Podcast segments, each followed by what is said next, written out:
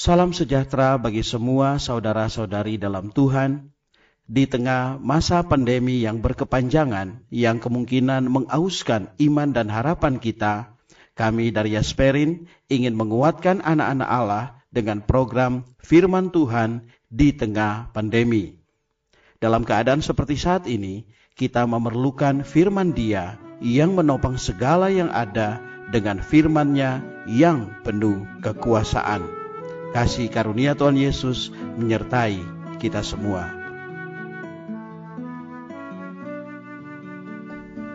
Saudara-saudari yang dikasihi oleh Tuhan Yesus Kristus, selamat bertemu kembali dalam program Arus Hayat Voice. Dalam kesempatan ini saya akan menyampaikan firman Tuhan dengan judul Berjaga-jaga dan bersiap sedia atau ditinggalkan. Pembacaan Alkitab kali ini diambil dari Injil Matius pasal 24 ayat 40 sampai 42 dan ayat 44. Pada waktu itu, kalau ada dua orang di ladang, yang seorang akan dibawa dan yang lain akan ditinggalkan. Kalau ada dua orang perempuan sedang memutar batu kilangan, yang seorang akan dibawa dan yang lain akan ditinggalkan. Karena itu berjaga-jagalah, sebab kamu tidak tahu pada hari mana Tuhanmu datang. Sebab itu hendaklah kamu juga siap sedia, karena anak manusia datang pada saat yang tidak kamu duga. Dalam jawaban Tuhan mengenai bagian gereja dalam Matius 24 ayat 32 sampai 44, Tuhan Yesus memperingatkan bahwa untuk kedatangannya dan kesudahan dunia ini, kita perlu berjaga-jaga dan bersiap sedia bagi kedatangan Tuhan kembali, sehingga kita dapat terangkat lebih awal. Frase pada waktu itu menunjukkan bahwa sementara orang dunia berkecimpung dalam kenikmatan benda-benda materi dan tidak merasa adanya penghakiman yang akan datang. Beberapa orang beriman yang bijaksana dan berjaga-jaga akan diangkat. Bagi orang-orang yang terbius di dalam dunia dan mati rasa, hal ini akan menjadi tanda kedatangan Kristus dua orang laki-laki dalam ayat 40 pasti adalah saudara-saudara di dalam Kristus. Dua orang perempuan dalam ayat 41 pasti juga adalah saudari-saudari di dalam Tuhan. Ini ditunjukkan oleh ayat 42 yang memberitahu kita supaya berjaga-jaga. Sebab kita tidak tahu pada hari apa Tuhan kita datang. Kedua kata, sebab itu berjaga-jagalah dan Tuhanmu membuktikan bahwa dua orang laki-laki dan dua orang perempuan dalam ayat 40 dan 41 adalah kaum beriman dalam Kristus. Tuhan tidak menyuruh orang yang belum beroleh selamat untuk berjaga-jaga. Dia pun bukan Tuhan bagi orang-orang yang tidak beroleh selamat. Dibawa pergi berarti diangkat sebelum kesusahan besar. Pengangkatan ini adalah suatu tanda kedatangan Tuhan dan tanda bagi orang-orang Yahudi. Melihat dua orang laki-laki sedang bekerja di ladang dan dua orang perempuan sedang memutar batu giling, sangatlah menarik. Baik bekerja di ladang maupun memutar batu giling adalah untuk mencari nafkah. Terdapat perbedaan antara nafkah kita dengan nafkah orang dunia. Orang dunia belajar dan bekerja, dan kita pun belajar dan bekerja. Namun, orang dunia telah dimabukkan, tetapi kita tidak dimabukkan. Sebaliknya, kita hanya menunaikan tugas kita untuk memenuhi keperluan hidup kita. Hidup kita bukan untuk makan, minum, dan kawin, melainkan untuk mempertahankan eksistensi kita dalam menempuh jalan salib, guna mengenapkan maksud tujuan Allah. Kepentingan kita bukan untuk pendidikan kita, pekerjaan kita, atau usaha kita. Saudara-saudara, ketika beberapa orang muda mendengar hal ini, mereka mungkin akan berkata, "Alangkah baiknya kita tidak perlu mempedulikan pelajaran atau pekerjaan kita. Baiklah, kita menghabiskan seluruh waktu kita untuk berdoa dan saling bersekutu." Sikap yang demikian ini salah Ingatlah menurut ayat 40, saudara ada di ladang. Ayat 41 berkata, saudari menggiling. Menggiling gandum, bekerja di ladang merupakan pekerjaan yang berat. Ini menunjukkan orang Kristen tidak seharusnya mengambil pekerjaan yang ringan. Kita perlu bekerja keras untuk hidup. Makan dan minum dalam ayat 38 itu bersifat duniawi. Tetapi bekerja di ladang dan menggiling dalam ayat 40 dan 41 itu kudus. Jika orang yang diangkat itu tidak mengerjakan sesuatu, mereka tidak akan diangkat. Ada kalanya saudari-saudari tertentu semakin membicarakan kekudusan, mereka semakin tidak kudus. Karena mereka tidak tahu bagaimana bekerja dengan baik dalam hal memasak dan tidak benar-benar memperhatikan keluarga mereka.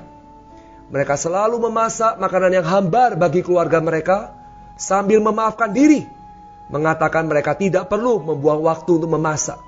Saudari-saudari yang demikian lebih baik menggunakan lebih banyak waktu untuk memasak, menyediakan makanan yang lezat dan sehat bagi suami mereka, anak-anak mereka, dan para tamu yang mereka terima.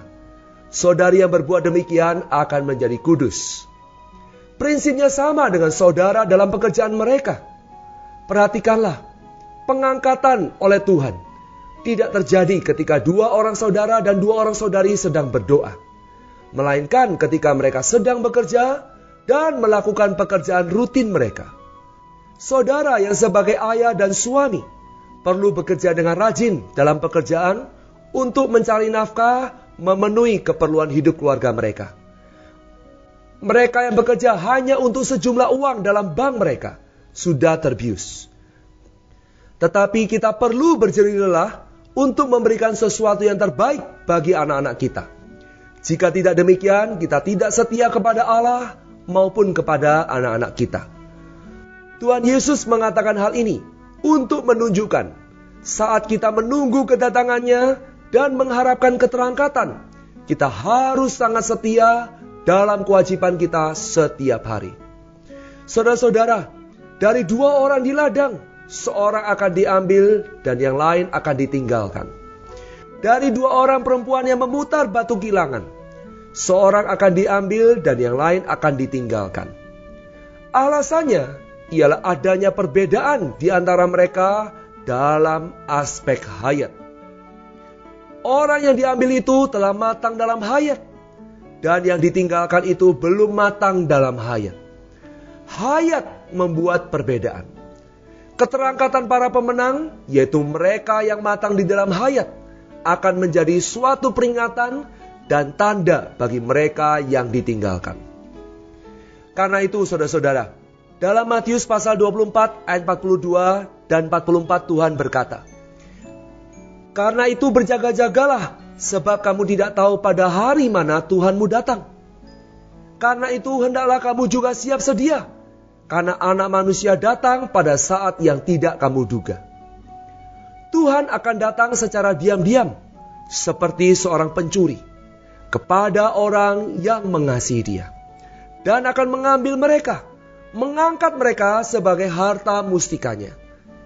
Karena itu saudara-saudara, marilah kita berjaga-jaga dan bersiap sedia untuk kedatangan Tuhan yang rahasia. Sehingga kita menjadi para pemenang yang tidak ditinggalkan oleh Tuhan. Mari kita berdoa. Tuhan Yesus, ajar kami agar kami tetap setia dan sungguh-sungguh dalam melakukan pekerjaan dan kewajiban kami setiap hari. Tuhan, kami rindu bertumbuh dalam hayatmu setiap hari hingga kami mencapai kematangan.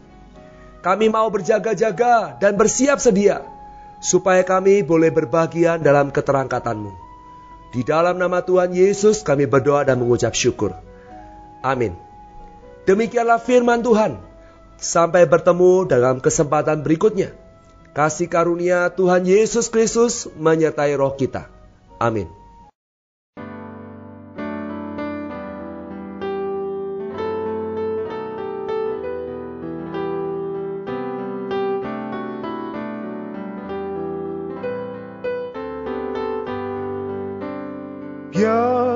Makin mesra cinta Tuhanku. Hati makin gairah iman makin dulu Ingatkan deritamu Aku terharu. Dalam asuhanmu Ku makin patuh hari Beri tenaga jagaku. Biar ku di jalan sempit Memuaskan hatimu. Biar ku makin menang Padamu setia. Dalam tangan Tuhan Makin berguna. Sabar Sesali dosa Makin jeri lelah Bersandar Tuhan. Mohon Tuhan tiap hari Beri tenaga jagaku Biar ku di jalan sempit Memuaskan hatimu. Biar ku makin matang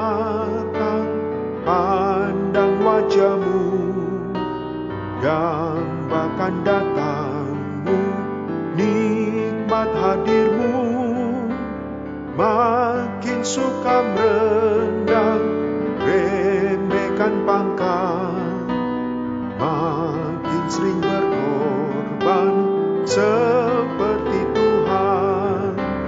Mohon Tuhan tiap hari Beri tenaga jagaku Biar ku di jalan sempit Memuaskan hatimu